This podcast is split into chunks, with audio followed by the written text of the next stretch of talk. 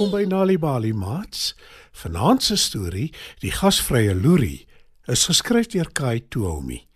Skuif nader en spit julle oortjies.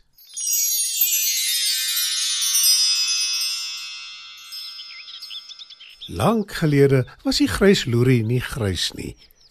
En sy naam was die kom kuier by my voel. Sy vere het goud geblink in die son terwyl hy rondvlieg in die bos besig om neute en vrugte en sappige insekte bymekaar te maak vir een van sy partytjies wat hy gereeld in sy pragtige boomhuis hou. En sodra Loerie 'n dier of voël in die bos teekom, sing hy Kom kuier by my. Kom kuier by my. Daar's 'n partytjie by my huis. Muise en vlermuise, dassies en duikers, olifante en kameelperde. Dit maak nie saak wie of wat nie. Almal is welkom by die gasvrye Loerie se partytjies.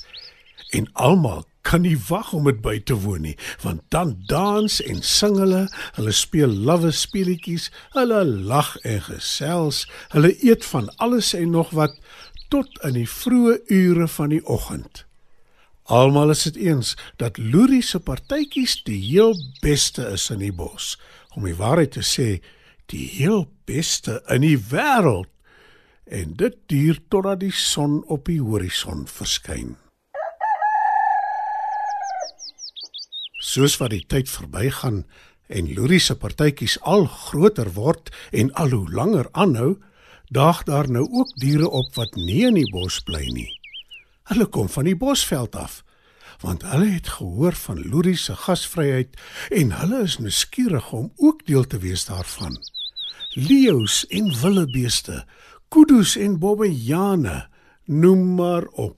Ons hoor jou partytjies is die beste in die wêreld. Brul 'n groot maanaar leeu toe hy by Loerie opdaag. Ek moet erken, ek hou van partytjies. Sê Loerie. Wel, ek hoop jy het genoeg vir almal om te eet. Sê leeu. Natuurlik. Ek sorg altyd goed vir my gaste. Antwoord Loerie. En hy vlieg vinnig bos toe om nog kos bymekaar te maak. Is nogal harde werk want elke dier en insek het sy eie voorkeure. Loerie kry nie altyd die spyskaart 100% reg nie. Leeu's eet vleis, maar dit maak kudu's ongemaklik. Maar hy probeer tog hard om almal tevrede te stel. Maar toe op 'n dag daag daar 'n vreemde geselskap diere op. 'n Hele klomp kamele wat die hele pad van Egipte af soontoe gereis het. Loerie weet nie wat om nou te doen staan nie. Hy het nog nooit 'n kameel gesien nie. Wat eet die diere? Wonder hy. Hy vra rond en sorg toe vir baie hooi. Hy het net genoeg in die hande gekry toe 'n albatros verbyvlieg op pad na sy boomhuis toe.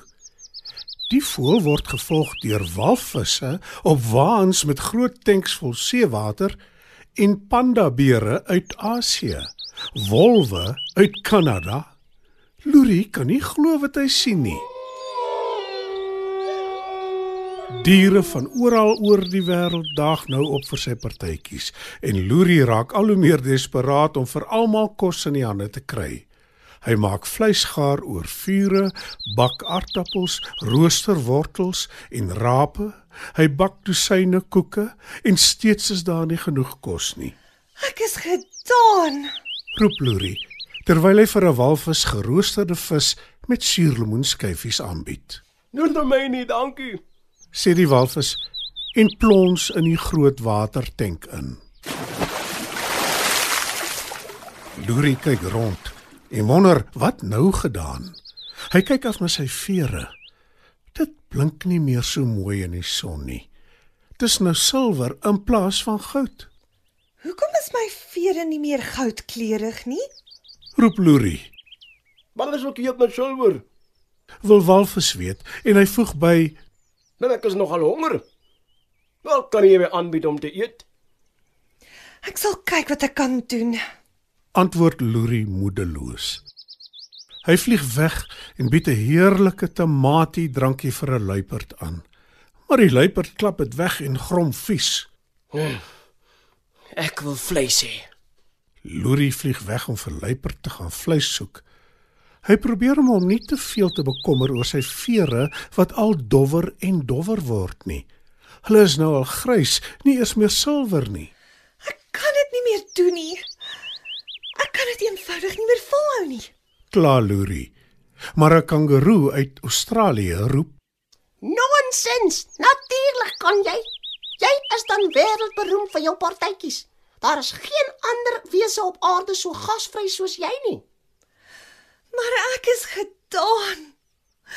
En kyk na my. Ek is nou 'n grys voël. My pragtige goue voorkoms is daarmee heen. sê Loerie. Drink bietjie suikerwater. Dalk help dit. stel die kangeroe voor.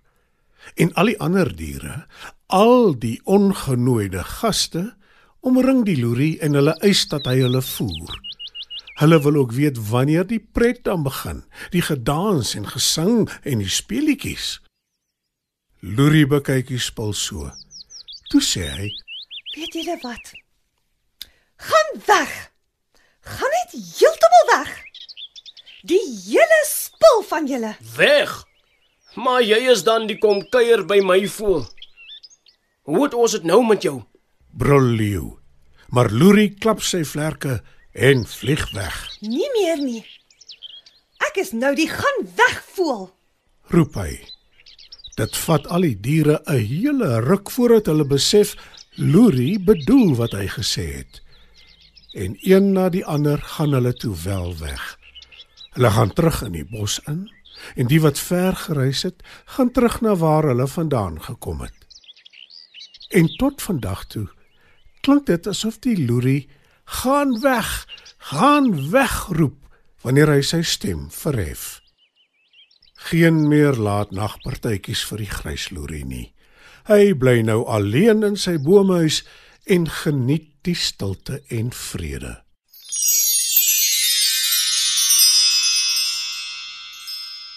Dit was dan nog 'n Nali Bali storie, maats.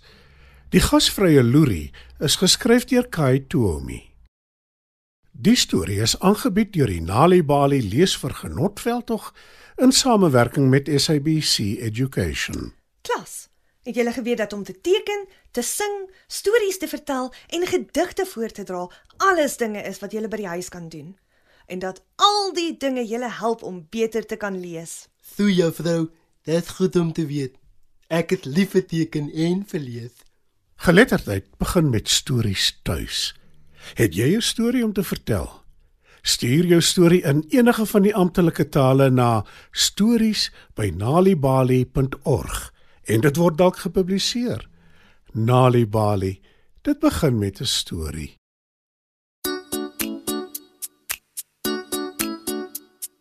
Ai ai die witbos kraai, hier vandaan na Mosselbaai, hoog gevlieg en laag geswaai, by die groot see omgedraai.